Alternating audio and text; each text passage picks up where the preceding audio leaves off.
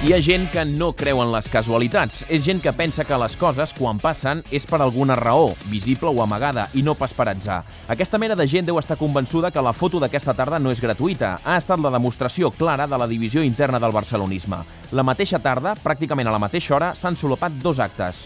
D'una banda, Johan Cruyff rebia un homenatge en forma d'estrena de documental, un repàs de l'empremta que la seva figura ha deixat al Barça i a Catalunya ara que fa 40 anys exactes de la seva arribada. 2.000 convidats, incloent-hi el president de la Generalitat i bona part de l'anterior junta directiva del Barça, encapçalada per Joan Laporta.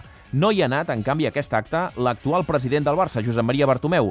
No perquè no volgués, ens diuen, sinó perquè no ha pogut. A la mateixa hora tenia previst assistir a l'acte d'homenatge que el Barça oferia als exjugadors de les cinc copes i dels anys 40.